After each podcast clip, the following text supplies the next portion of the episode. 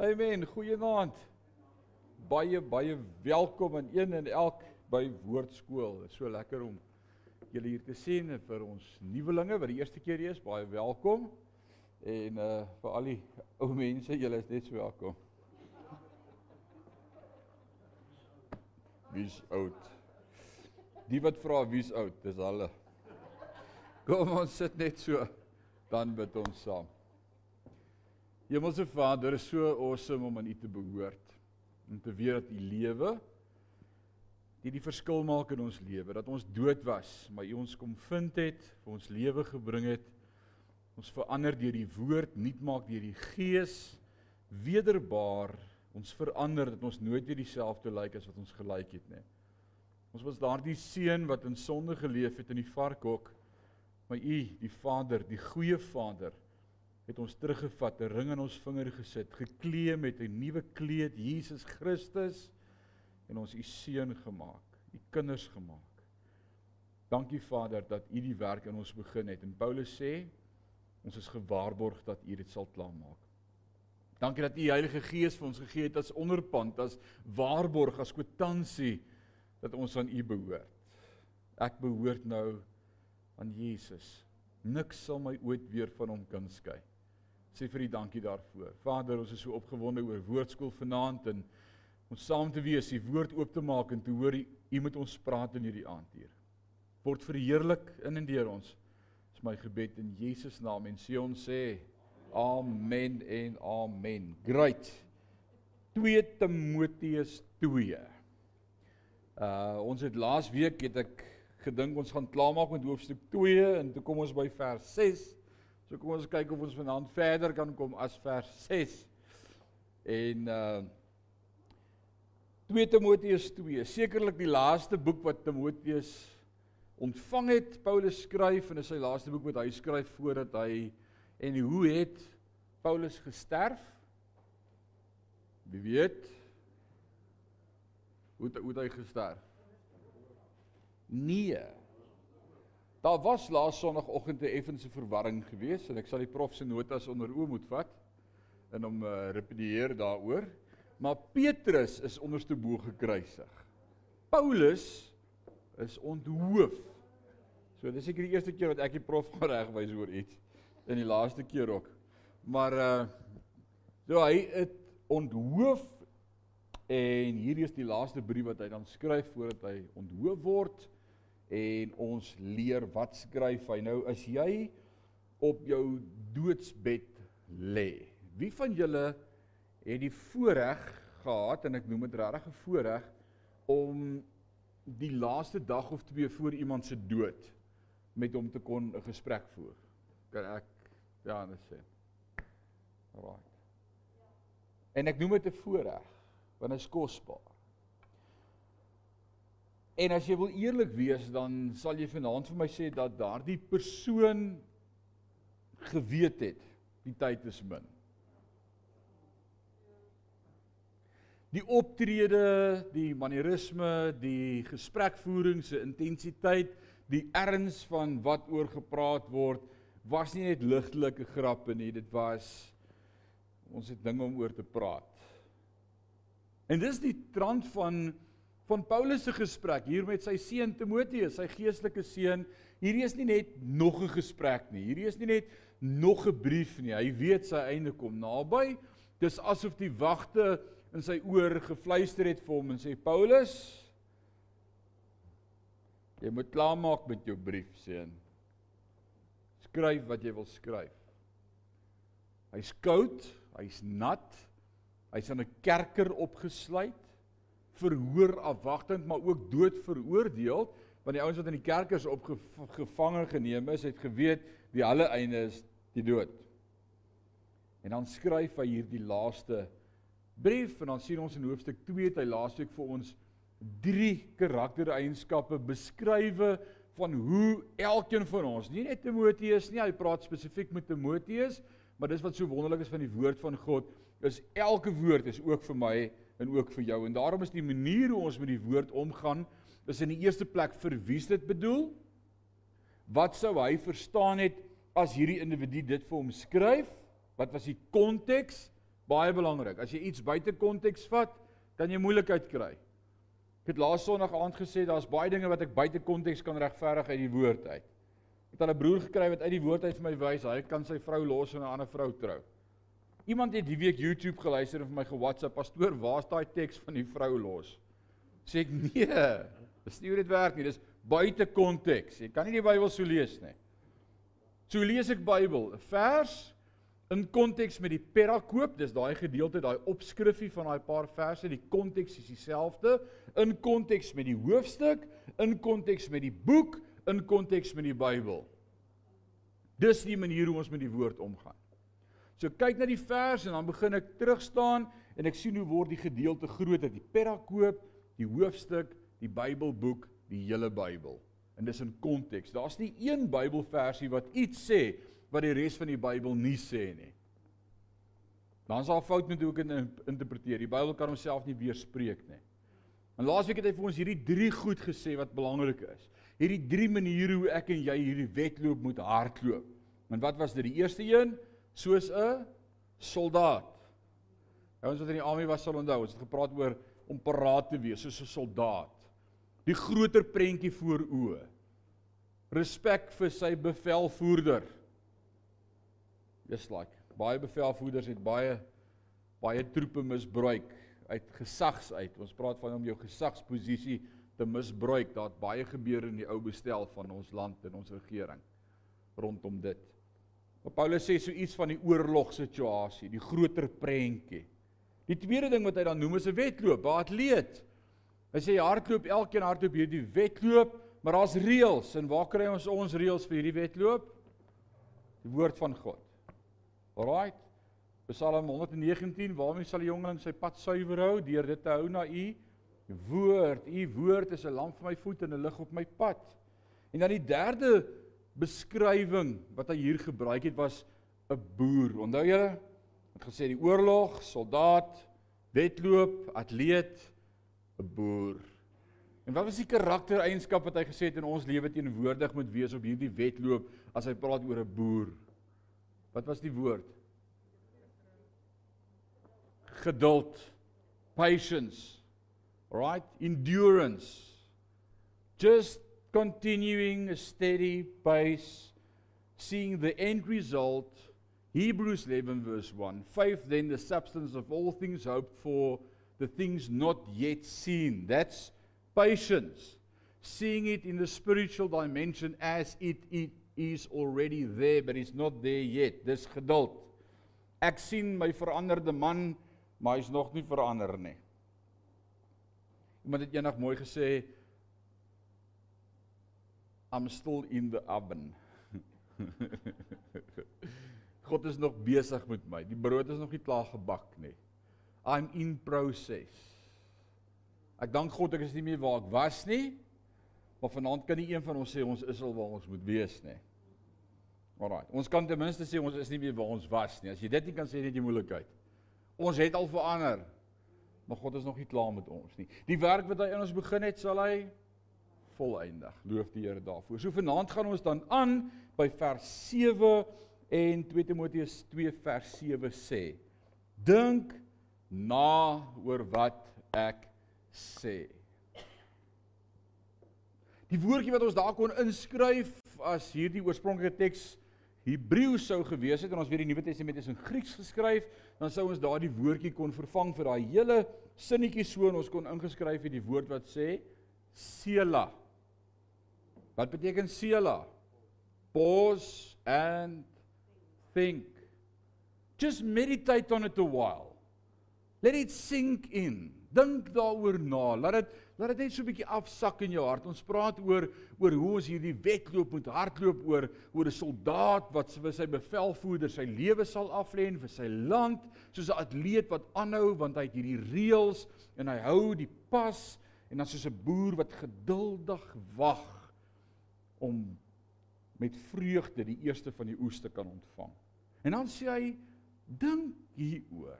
Mediteer 'n oomblik hieroor en dan maak hy 'n stelling. Hy sê die Here sal jou help om al hierdie dinge beter te begryp. Met ander woorde, en dis die manier hoe ons die Bybel lees. Ek lees goed En dan sê ek Heilige Gees, U moet my help dat ek hierdie goed sal snap.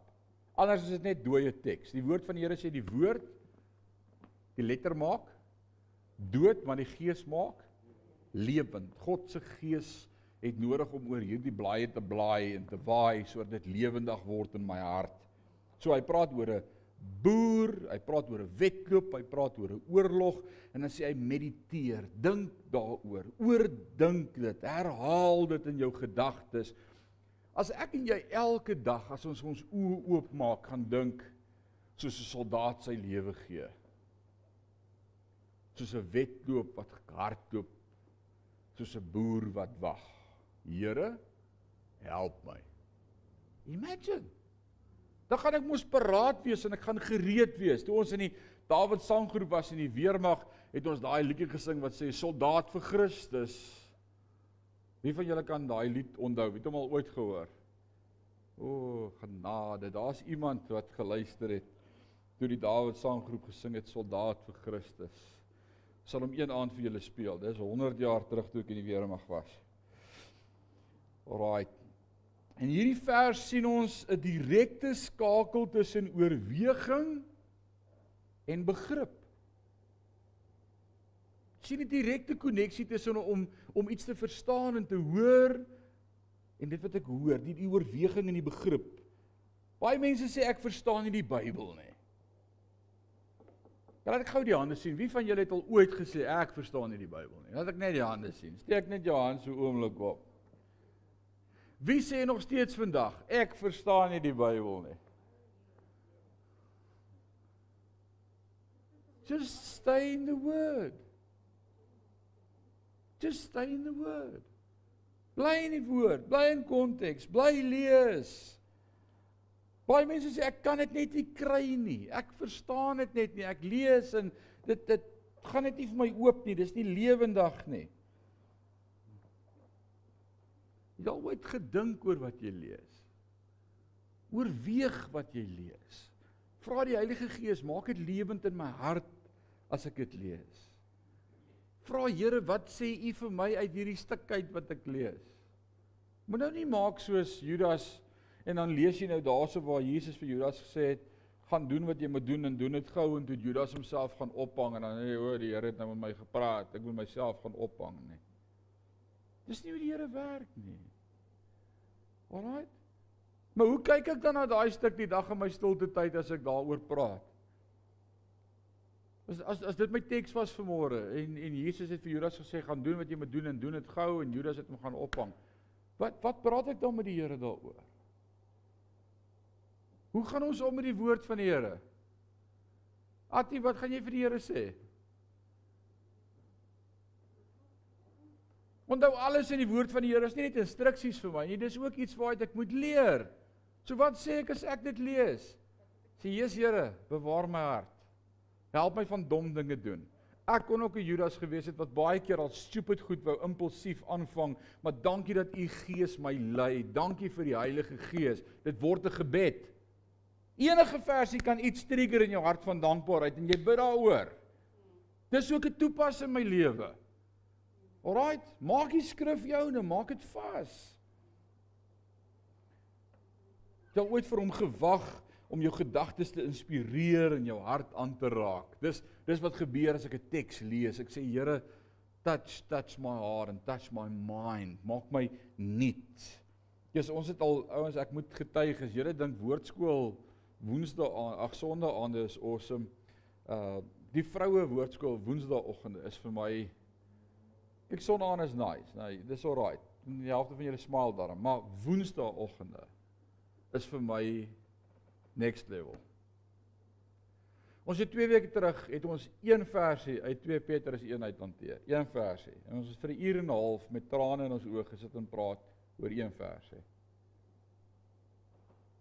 Want dis wat die Here doen. Hy maak dit net vir ons oop. Alraight. Dink daaroor. Laat toe dat God jou gees kom aanraak en jou jou gedagtes kom verander. So wat bedoel die Bybel met mediteer? Ons weet dat ons op God se woord met mediteer uh ons welvaart en goeie sukses lê daarin Joshua 1 vers 8 mediteer op my woord oordink dit dag en nag 1 ag eh, Psalm 1 vers 2. Wat sê Psalm 1?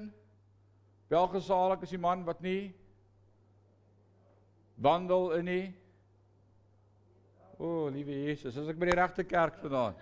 Psalm nou weer. Hoe Psalm 1? Wat nie wandel in nie raad van die goddelose nie wat nie sit in die kring van die spotters nie, maar maar wat die wet van die Here oordink dag en nag, wat sy welbehaag God se woord vind, wat dit oordink vers 2, nê.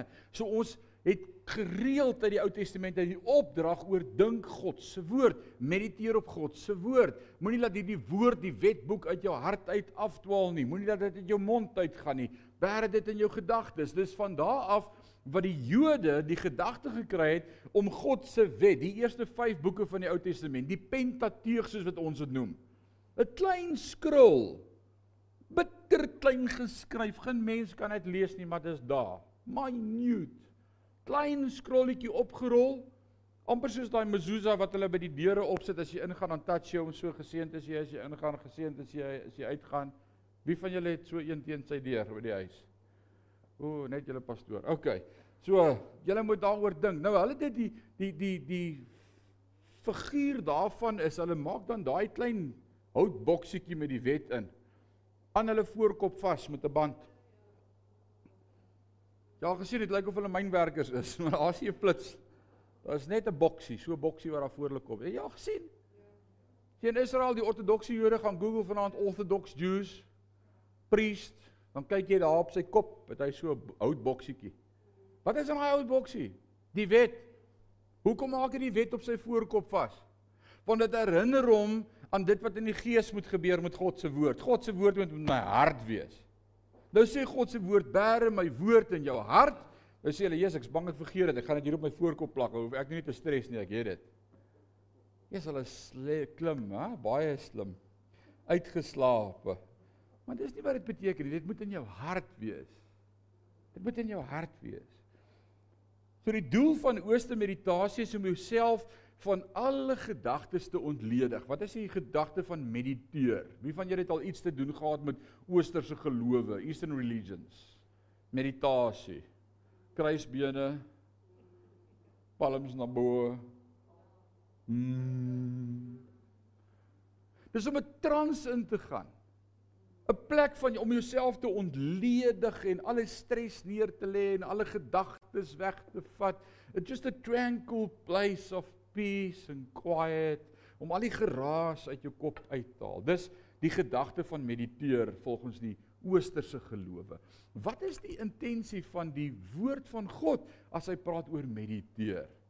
Dis presies die teenoorgestelde.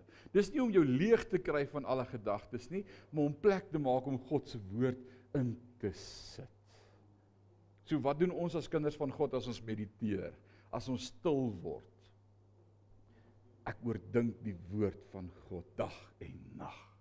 As ek wakker word in die middel van die nag, dan dink ek aan 'n vers of ek dink aan 'n teks of ek begin met God praat. Ek is bewus van hom, ek gesels met hom Hey, ons is in 'n verhouding met hom. Ek mediteer op hom. Meditate on the Lord day and night. Alraight. Die Hebreëse woord vir meditasie is gekoppel aan dieselfde werkwoord van wat 'n koei doen as 'n koei herkou. Moes jy weet jy dit geweet? Wat doen 'n koei as hy herkou? En hoeveel maag Hoeveel maage ma het 'n koei? 4. Ek het iewers ter in 'n teks gelees tot 7. Ek weet nie hoekom sê hulle 7 nie, maar 'n koei het meer as een maag. En vanaf die kos van die een maag na die volgende maag gaan, kom dit eers terug mond toe, dan kou hy dit nog fyner, so hy staan die hele tyd in kou, is ek reg? En dan sluk hy dit weer in. Daai woordjie herkou. Can we say rechew? Daai woordjie herkou, dis nou 'n dis nou 'n direkte Afrikaanse woord hierdie. Is dieselfde gedagte wat in Hebreëus voorkom as hy sê mediteer. Herkou. Maak dit fyner. Breek dit af in jou lewe. Maak dit deel van jou wese. Oordink dit. Mm, laat toe dat die Heilige Gees met jou werk. Hoeveel preke hoor ons in 'n week? Baie. WhatsApp, Facebook, elke post wat jy kyk, elke iemand se status, iemand sit 'n versie op. Man, al wat jy sien oral waar jy kyk, hang af wie jou pelle, né? Alles wat jy sien oral wat jy kyk is woord. Ek hoop is al wat jy sien oral waar jy kyk, is woord. Louis post elke dag van sy lewe drie tekste. Jy's twee dae agter by the way. Maar drie tekste. Hy naweek afgevat. Hoe los hy sy Bybel by die huis? Maar drie tekste. En elke keer kyk ek en ek sien skrif en ek sien skrif, maar hoeveel keer oordink ek en jy daai skrif? Ek post elke dag 'n skrif op my status, elke dag. Maar dan hier by landstyd rond ons vra ek myself, wat het ek vanmôre gepost? Ek wonder wat het ek gepost? Jy sien ek moet die heel dag daaraan herkou, daaroor dink, daaraan mediteer. As ek elke dag een versie memoriseer en leer, gaan ek in 'n paar jaar tyd die hele Bybel uit my kop ken. Ek praat van 'n verse dag. Leer daai vers, maak dit joune. Filippense 4 vers 4 sê verbly jou in die Heer. Ek herhaal verbly jou in die Here. En laat julle vriendelikheid aan almal bekend word. Die Here is naby vers 5. Vers 6 en laat al julle bekommernisse en julle versoeke en gedagtes by God bekend word met smeking en danksegging. En die vrede van God wat alle verstand te gaan sal julle harte en julle sinne bewaar in Christus Jesus. Bedink die dinge wat daarbo is, wat heilig is, wat lieflik is, wat God welgevallig is. Dis hoe ons met die skrif omgaan. En die hele dag quote ek daai skrif vir myself elke keer. So dis hierdie gedagte wat Paulus hier pos en vir Timoteus sê Timoteus, 'n belangrike deel van die woord in jou lewe is mediteer daaroor. Wil vanaand vir elkeen van ons sê by woordskool, mediteer oor God se woord, herdink, herkou, you. Alraai, jy gaan nie daai woord vergeet nie.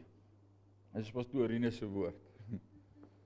Vers 8 sê onthou voortdurend dat Jesus Christus uit koning Dawid se nageslag gebore is en dat hy uit die dood opgewek is.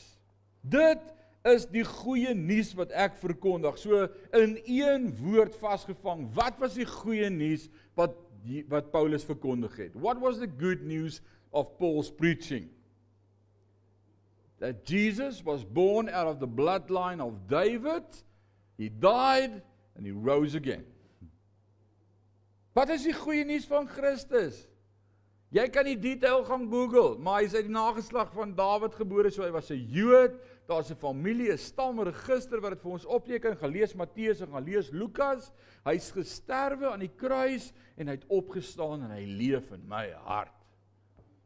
Dis goeie nuus. So Paulus sê vir Timoteus: "Wees sterk in genade, Timoteus." Hy sê wees 'n soldaat, wees 'n atleet, wees soos 'n boer, mediteer, met ander woorde vat dit stadig. En bovenal onthou Jesus Christus. Paulus gee 'n kragtige en belangrike vermaaning. Hy sê moenie so besig word met bediening en so vasgevang word in teologie dat jy vergeet dat Jesus opgestaan het nie. Hier is 'n baie belangrike punt. En kom ons dink 'n oomblik daaraan. Hoeveel dae gaan jy verby sonder dat jy konkreet en doelgerig oor hierdie gedagte van die opstanding van Jesus nagedink het? Het jy gister een oomblik gedink Jesus het opgestaan? Het jy gister vir een oomblik gedink iewers deur die dag Jesus het opgestaan?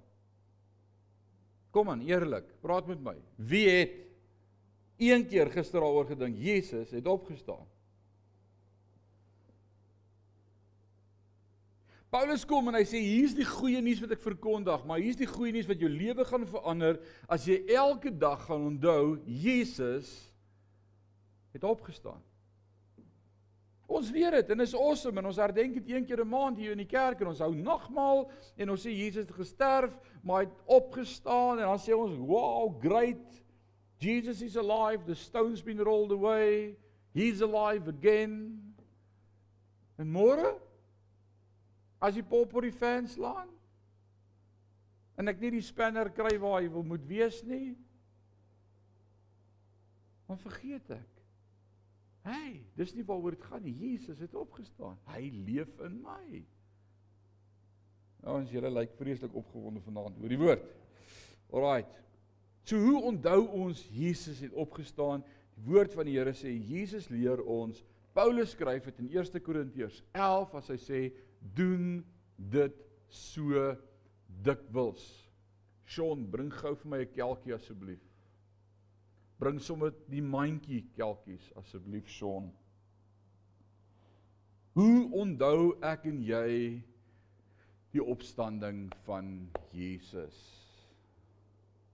So dikwels as wat julle van hierdie brood eet en hierdie beker drink, verkondig julle die dood en die opstanding van ons Here Jesus Christus. En ek deel met julle wat ek van die Jesus ontvang het, dat in die nag waarin hy verraai is, hy die brood geneem het en gebreek het en gesê het: "Neem, eet, dit is my liggaam." Deel uit asseblief. Hierdie is die liggaam van Christus. Jacques, as jy nog een vat, kan jy die kant begin. It's amazing. It's fenomenaal. Is eintlik so maklik.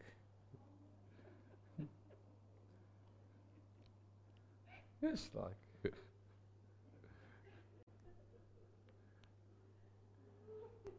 Hierdie is die liggaam van Christus. En hoe gereeld kan ek en jy dit gebruik?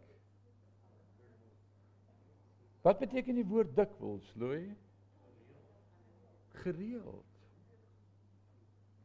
En en en die kelkies en ek moet dit nou nie op YouTube sê nie, maar ons sal as ons klaar is hierdie bak daar in die voorportaal sit en hom op top vir jou en jy mag vir jou doggy werk vat. En iewers deur die deur die week as as dit voel asof die baas se wiele afval en dinge vir jou te veel word, Dan vat jy die ou kelkie, jy kan hom in jou sak bær of in jou handsak of enige plek daar in die kar. Nee, moet dit nie in die kar probeer oopmaak nie. Jy gaan moeilikheid kry want hy maak moeilik oop. Wanneer waar jy is, stil onder 'n boom. Sê hierdie is die liggaam van Jesus. En dit herinner vir my en vir jou hy het opgestaan. Hy lewe. So ons het vir ons iets op daar. Hoor, nou nou maak daai kelk, maak hy maak hom oop dat jy by die broodjie kom. Val daai plastiese selofaantjie heel bo af en dan as jy by die broodjie is so 'n klein plat broodjie. En kyk nou hoe awesome is dit, want dis die goeie nuus wat Paulus met Timoteus deel en ek dink kom ons pos net 'n oomblik hier in ons sela. Kom ons pos en think net 'n oomblik. Wat beteken hierdie brood vir my en vir jou vanaand? Koenie sukkel jy? Vra vra jou vrou om jou te help. Wat beteken hierdie brood vanaand vir jou? Is dit 'n sad en 'n solemn occasion? Is dit iets om oor te huil, die dood van Jesus? Ja, daar's kere wat ons dink aan die dood en die prys en en wat dit hom gekos het. En dis awesome. Maar as ek in die nagmaal dink, dan is ek so opgewonde om te weet hierdie nagmaal sê ek het deel aan hom my lewe. Dalk sê maar ek het nie vanaand kerk om nagmaal te gebruik nie. Wel, dis wat die teks vir ons sê. Dis die goeie nuus van Paulus.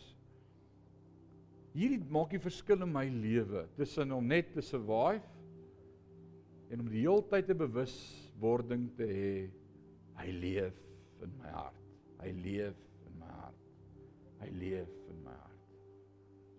Vader, ons sê vir U dankie vir U liggaam.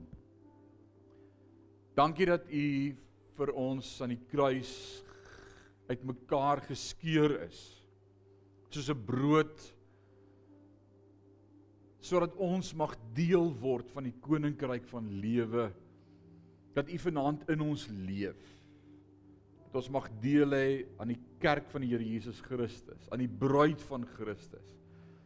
Vanaand hierdie goeie nuus wat Paulus deel aan die einde van sy lewe in sy donkerste nag die dood in die gesig gestaar en tog bemoedig hy Timoteus deur te sê die goeie nuus is Jesus Christus lewe. Mag dit ons ook help in ons kerkers en in ons donker gevangenes en daar waar ons voel ons die son skyn nie oor ons nie. En ons omstandighede en ons krisisuur mag ons vashou aan die liggaam van Christus. Ons sê vir U dankie daarvoor. In Jesus naam. Kom ons eet sy liggaam.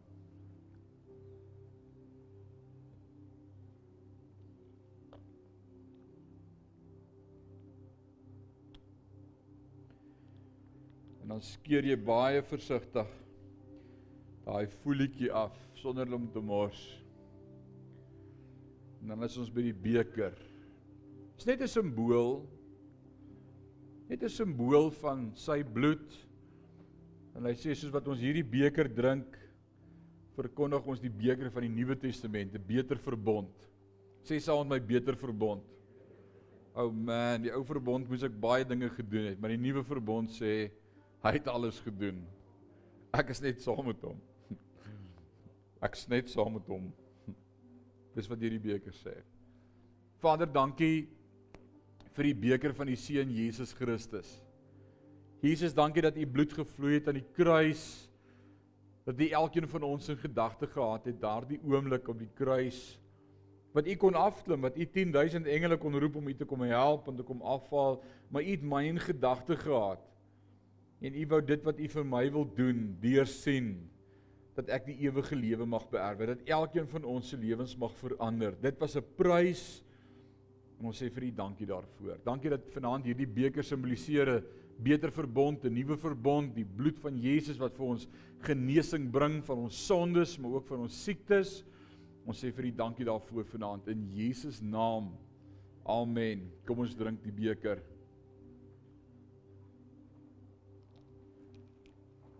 Amen. Amen.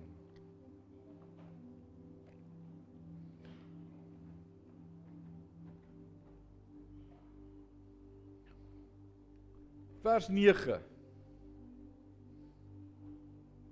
Pos maar oomblik Sean. En omdat ek hierdie goeie nuus verkondig. Alraai, hang vas. Omdat ek hierdie goeie nuus verkondig van Jesus Christus wat uit die geslag van Dawid gebore is, gekruisig is en opgestaan het, omdat ek hierdie goeie nuus verkondig, ly ek en is ek soos 'n misdadiger in kettinge geslaan, maar die woord van God kan nie vasgeketting word nie. Wie kan sê amen? Paulus sê al is ek in die gevangenis, al is ek in 'n krisis, ly ek saam met hom, maar sy woord word nooit vasgeketting nie. Ek is bereid om vir die wat deur God gekies is, enige iets te verduur as dit vir hulle deur Christus Jesus verlossing en ewige heerlikheid sal bring. Nou vers 10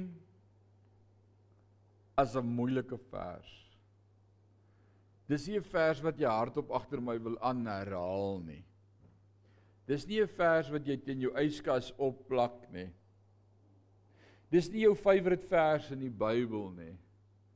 Maar dit sê vir my iets van die karakter en die liefde wat Paulus gehad het vir die koninkryk. Hoor wat sê hy baie mooi. Hy sê ek Paulus is bereid om vir die wat deur God gekies is, met ander woorde vir elke sondaar wat God bestem het om deel te word van die koninkryk, is ek bereid om enige iets te verduur as dit vir hulle deur Christus Jesus verlossing en ewige heerlikheid sal bring. Eina.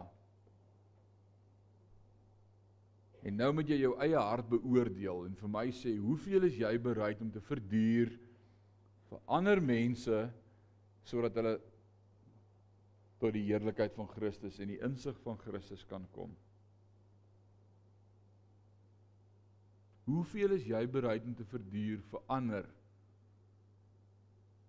Of is ons te gemaksugtig en gemaklik? Hierdie is nou nie 'n hoe ha amen haleluja preek nie, is dit nou? Dis 'n bietjie ernstig. Attie. Hoor ons wat sê Paulus? Hy sê al is ek in die gevangenis, is die woord nie gebonde nie. Ek is steeds Ek deel steeds die woord in wat ek skrywe en dan sê vers 11 hierdie woord is absoluut waar as ons saam met hom sterf sal ons ook saam met hom lewe. En wie kan sê amen? Alraai, so wie wil vanaand eers sterf? Steek gou jou hand op. nee, nee, hou verby. Ek gaan nie nou my hand opsteek nie. But absolutely die. What you say is so true. So true.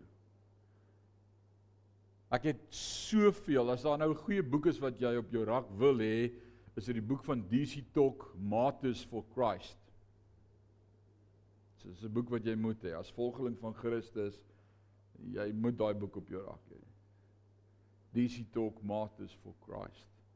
Boek lyk so oud en sy papier se kante lyk so geskeur. Dit lyk asof daai ou boeke wat so al amper gebrand is al. Hy so dit lyk so dit lyk soos 'n ou boek en dit gaan oor martelare vir Christus. Getuienisse van individue stories wat vir ons opgeteken is van mense wat al vir Christus gesterf het en met hulle lewe betaal het vir die evangelie. Een van daardie stories vertel my van hierdie 100 soldate of hierdie 100 disippels van Jesus, volgelinge van Christus wat gevange geneem is en voor die vuurpeloton gehou is en gesê het deny Christ. En hulle het hierdie mekaar bemoedig deur te sê 100 soldiers for Christ. 100 soldiers for Christ. En toe eh, dis in die yskoue deel van die wêreld is koud en dit kapok amper en dit sneeu en toe dat hulle klere uittrek en hulle staan daar en bewe van die koue en hulle chant die hele tyd 100 soldiers for Christ. En een van hulle kon dit toe nie meer hou nie. Hy wil net na die vuur toe kom en sy klere terugkry en hy sê toe nee, ek gaan nie langer hier bly nie. En hy hardloop terug na die vuur toe en toe pluk een van hierdie soldate wat daar staan sy klere uit en hardloop terug Want toe begin hierdie ouens sê 99 soldiers for Christ. En toe hardop hy terug toe sê hy nou 100 soldiers for Christ. En toe vra sy maters vir hom, "Wat gaan met jou aan?" Toe sê hy, "Haven't you seen God with them?" Ek het iets in my geestesoog gesien van terwyl hierdie ouens daar staan dat God self by hulle is. Ek wil ook hê wat hulle het. Storie op storie op storie wat vertel van mense wat bereid was om hulle lewe af te lê vir God.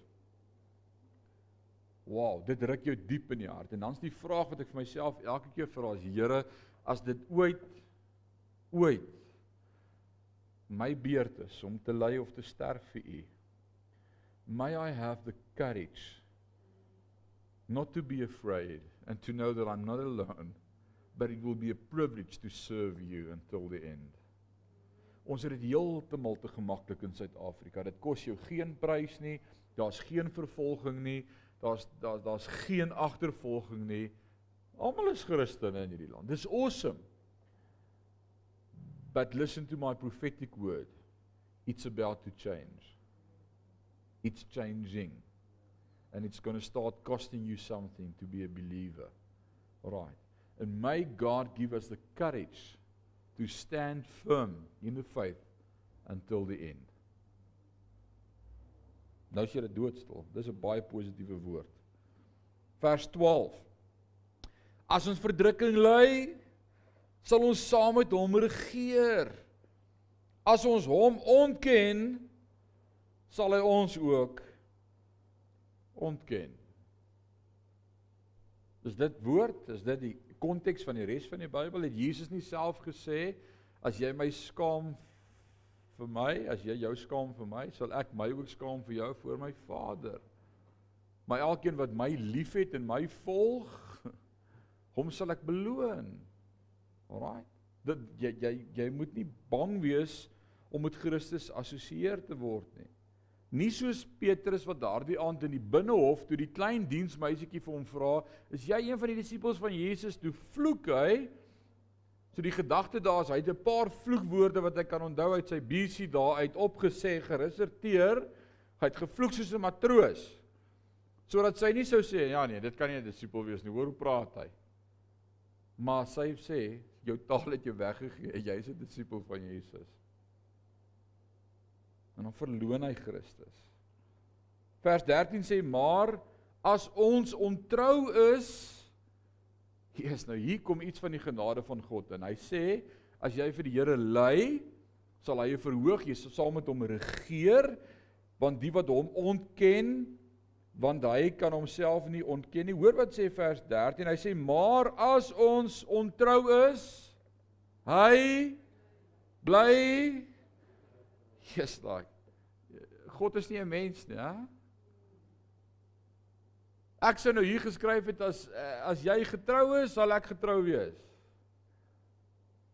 Jy ontrou is, jy kan nie vir my verwag om getrou te bly nie maar God kom ook my ongeloof tegemoet. En hoor wat sê die woord? Hy sê selfs as jy ontrou is, mm, hy bly getrou. Want hy kan homself nie ontken nie. Met ander woorde, dis wie hy is. Dis sy karakter, dis sy attribute. God is nie getrou omdat nie, sy karakter sê getrou. That's who he is. Faithful. What a faithful God have I. He's not faithful because he is faithful because he is. That's who he is. Vanaand as jy vir die Here dankie sê, dan sê jy Here, dankie vir al daai kere wat ek ontrou was, dat U nog steeds getrou was. Dat U ten spyte van my optrede nog steeds my hand vashou. Dis amazing. Vers 14 herinner almal aan hierdie dinge en vermaan hulle in God se naam om op te hou met 'n bekleierery oor woorde. Nou hier's 'n paar keer in hierdie hoofstuk 2 wat Paulus hieroor gaan gesels en dis oor woorde. 'n Bekleierery met woorde, lang gesprekke. Klomp woorde. Wie weet dat lang gevegte met baie woorde jou nog nooit nêrens gebring het nie. Wie kan sê amen? ure se gesprekke aande se deur die nag praat en beklei bring jou nêrens. OK, dit gee jou kop seer. En dis al. Lang woorde, lang gesprekke, lang verskille. Hy sê ek herinner almal aan die dinge en vermaan hulle in God se naam om op te hou met 'n bekleierery oor woorde. Sulke argumente is nutteloos en kan nie en kan die mense reoneer wat dit aanhoor. Just like.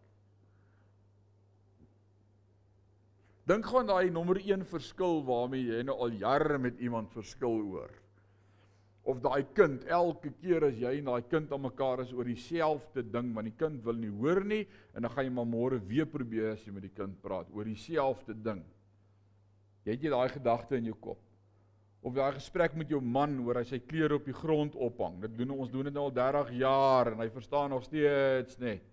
En ek tel nie sy goed agter hom op nie. Alraai, daai lang gesprekke wat ons al vir jare het.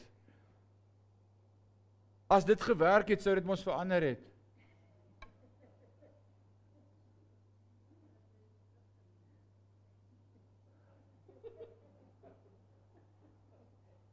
Julle julle snap dit nie. As dit sou werk om te praat, sou hy mos verander het die eerste keer toe jy dit vir hom sê.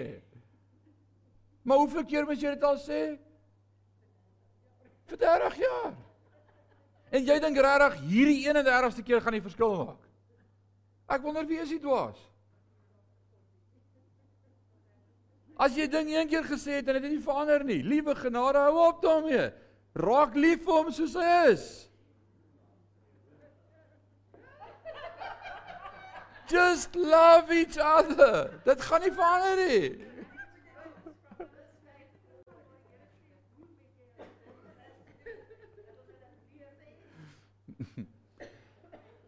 Gaan nie verander nie. Dalk gebruik God juist daai doring in die vlees om jou te help om geduld te leer. Om jou te help om meer met die Here te praat oor die wonderlike man wat hy jou gegee het. By the way, jy het hom gekies. Moenie nou moan en vir die Here kwaad wees oor jou man. Jy het hom gekies. Maar praat met God daaroor. Leer om te aanvaar. Hoor julle wat sê die teks? Hierdie lang sinne, lang woorde en lang gesprekke oor dieselfde goed. Ons het hierdie, hoe sê hulle, hierdie ding is nou al hol rug gery. Ja, ons het mooi. ja. Moenie die goed hol rug ry nie.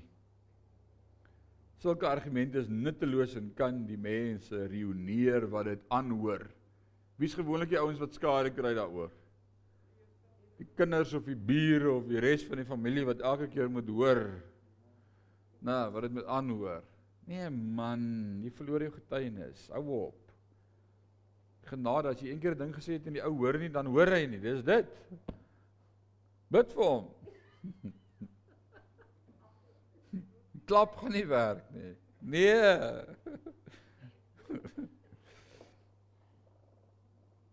Nou hoor wat sê vers 15 en dis die eerste keer dat Paulus hierdie gedagte verbaliseer want ons weet dat Paulus se hele bediening daaroor gegaan het om vir ons te leer ons redding is nie gebaseer op werke nie maar deur genade.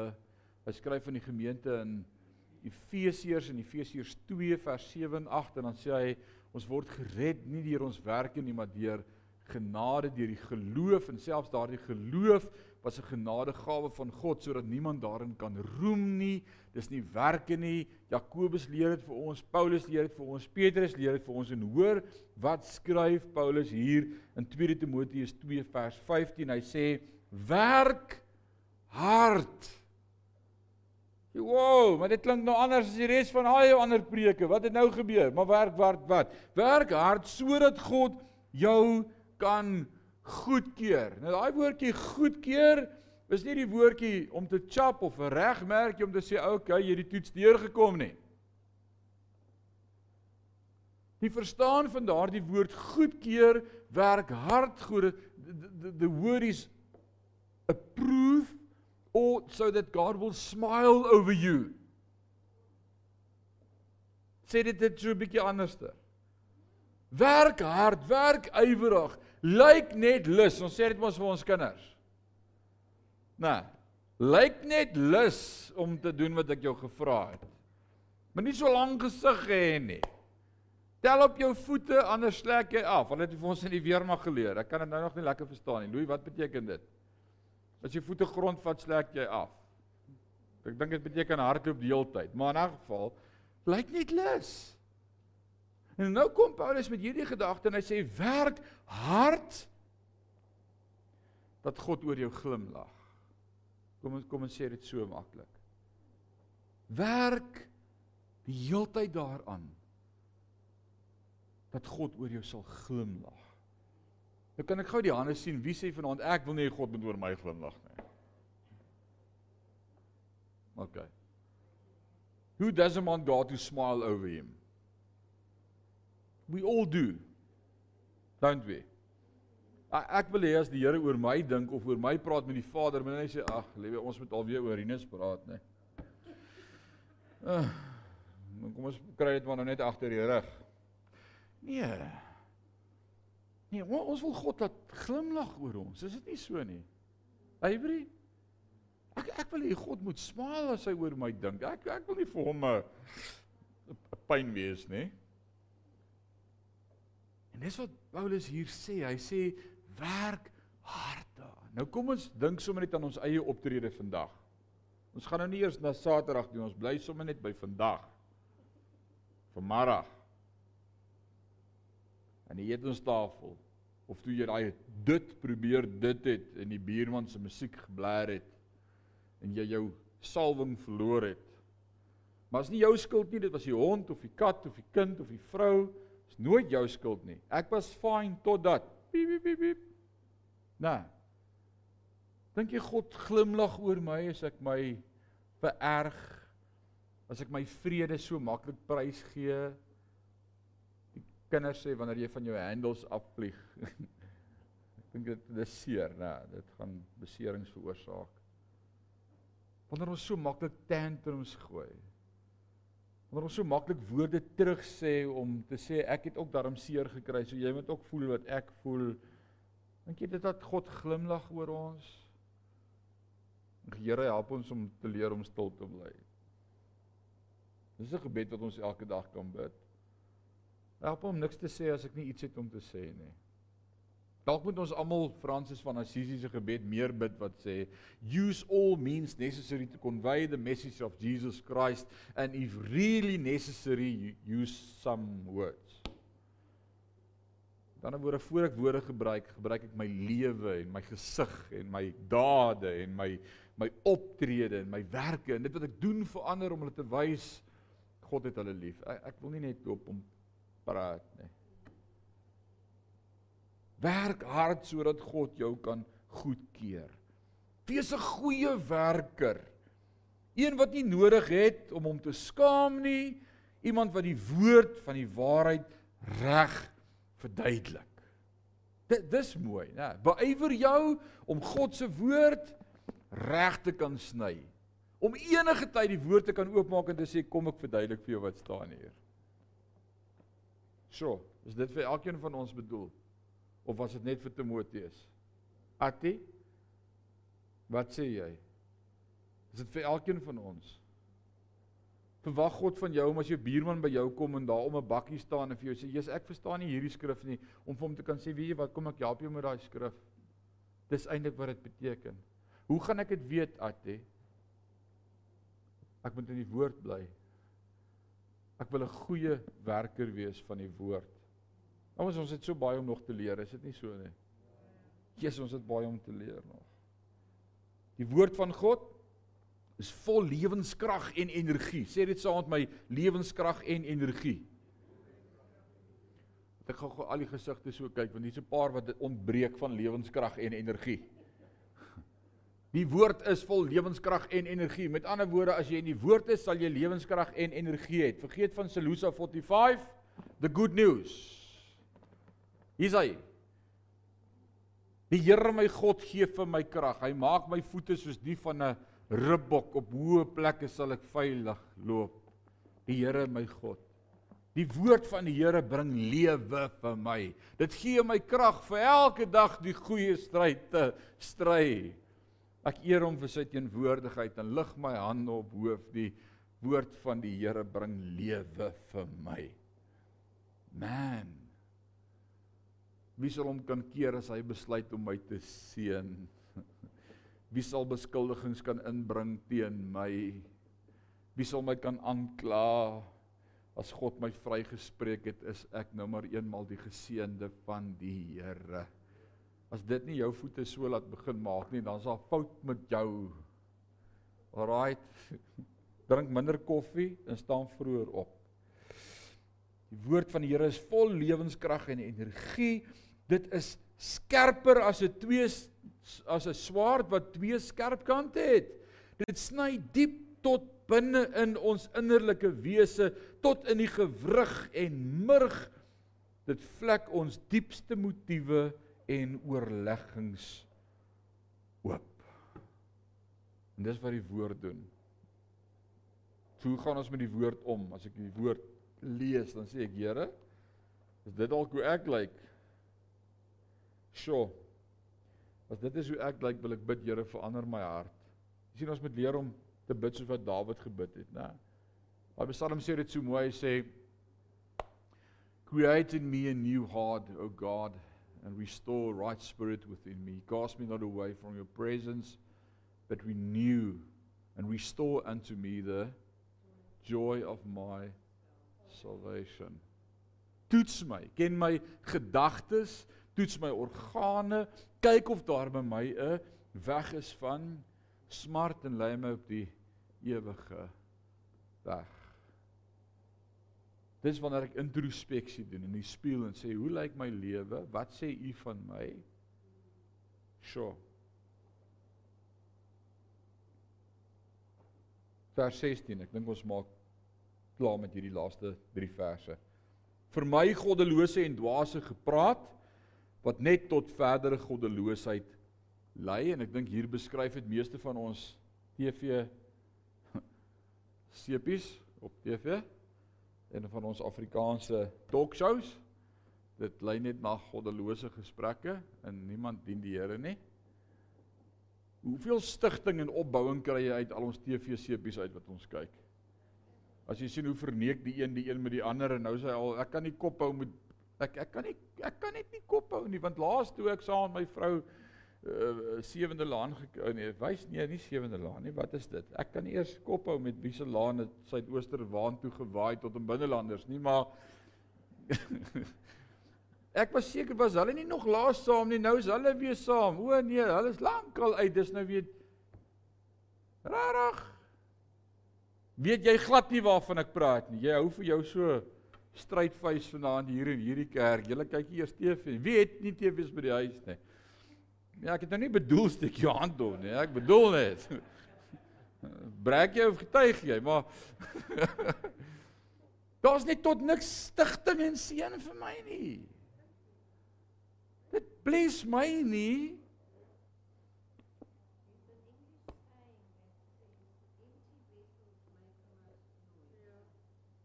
In Afrikaans wil sê leef vat hou toe jou kraan. Net nou sien die mense jou vir 'n volle aan. Wie het dit al gehoor? Nog niemand nie, daar nie een ou dit al gehoor nie. Ons het op Absoluut. Leef vat hou toe jou kraan. Net nou hou die mense jou vir 'n volle aan. Net nou dink hulle daar's iets in jou, dan kom hulle agter jy is leeg. So bly eerder net stil. Voordat net wind uitkom.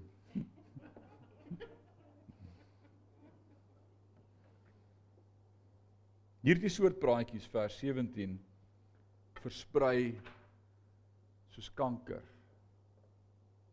Goddelose gesprekke laat in die nag, dwaase gepraat, versprei soos kanker. En dan sê hy Hemenius en Philetus is voorbeelde hiervan. Hulle die pad van die waarheid verlaat met hulle bewering dat die opstanding van die dooies alreeds plaasgevind het en daarmee het hulle die geloof van sommiges ondermyn. Wat beteken dit? Wanneer ons soms roekelose uitsprake maak oor ons korrupte interpretasie van die woord van God. Ag nee, wat ek weet nie of die Here gaan terugkom nie. Ek weet nie of die Here regtig lewe nie. Ek weet nie of hierdie kerk kerk storie elke dag waar is nie. Beïnvloed ek mense wat vatbaar is, wat nog nie geestelik sterk is nie en die woord leer my. Ek kan dalk iemand anders afvallig laat raak deur my woorde. En nou sê Paulus, Timoteus, pas op. Leer jou gemeente bly eerder stil as wat ek iemand anders laat dwaal of laat afval of afvallig word. Hoor jy wat ek sê? Hoeveel mense is vanaand nie in die kerk nie? Omdat iewers eendag iemand wat nie sy kraan toegehou het nie iets doms gesê het oor die woord van God wat 'n vraagteken in iemand se hart gesit het wat nie standvastig of geestelik was nie. En hy het by die huis begin bly en gesê nee, wat hierdie is 'n klug. As dit is hoe Christene is, Lekker een wees hè. As dit is hoe kinders van die Here besigheid doen met mekaar, né, mekaar so bedrieg en belieg. Ek wil 'n kind van God wees hè. As dit is hoe 'n geredde ou sy vrou panel bied, my buurman, dan wil ek nie kerk toe gaan Sondag nie. En elkeen van ons het al sulke goed beleef in ons lewe. Mag die Here ons help dat ons altyd met ons lewe in woord en daad 'n voorbeeld sal wees van die godheid en die grootheid van God. I love you Lord for your mercy never failed me. Never ceases. The steadfast love of the Lord never ceases. They are new every morning, new every morning. Great is thy faithfulness, O God. Great is thy faithfulness. Ons gaan vakansie hou vir die volgende 3 weke dink ek. Hoeveel weke is woordskool toe? My juffrou sekretaresse, sê jy op jou foon kan kyk. 7 weke sê Koenie. Nee, dit kan nie wees nie. kan iemand vir my gou kyk op die kalender vir hoeveel weke is dit vakansie? Tot as ons net kan vasmaak wanneer begin ons weer? Kobus sê net 2 weke. Ek het 2, ek het 2, ek het 3, ek het 3, ek het 3, ek het 4, ek het 4, enige hand vir 4. Die skool begin die hoeveelste weer? Begin die skool die 5de. Dis 'n watse dag?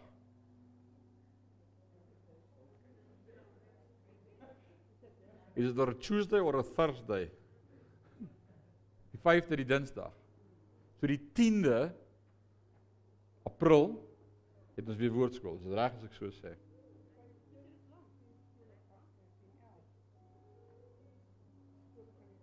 Dis 'n Dinsdag. So die 6de is 'n Woensdag. So die 8de is 'n Vrydag. So die 10de is Sondag. Sondag die 10 April, ons weer woordskool. Gaan ons aan. Is dit reg? Kom ons bid saam. Ewige God en Hemelse Vader, dankie vir u woord. Dankie vir great momente vanaand. Dankie dat ons sommer net so openlik met mekaar kan praat uit die woord uit dat die Gees met ons praat. Dankie vir die nagmaal, dankie vir die liggaam van Christus. Dankie dat Christus in ons leef en deur ons leef en vir die verskil wat u vir ons maak, met ons maak en deur ons maak. Help ons om Christus te wys in 'n wêreld wat u so nodig het. Stop ons sinnelose lang gesprekke en argumente met klomp woorde en dat ons net Christus se liefde vir mekaar sal wys. Al kan ons vanaand net dit saam met ons vat, het die woord ons verander. Dat ons Christus sal leef en minder sal praat. Help ons Here. Ons woorde is soms so in die pad van dit wat ons hart eintlik wil sê. En ons val in ons woorde. Maar help ons om Christus te leef en Christus te wees vir mekaar. Hou ons vas in hierdie tyd ook in hierdie tyd van rus vir die wat op die pad is. Bewaar ons, wees met ons. Mag elkeen getuig van u genade en u liefde. Eer u daarvoor in Jesus naam en sê ons sê amen en amen.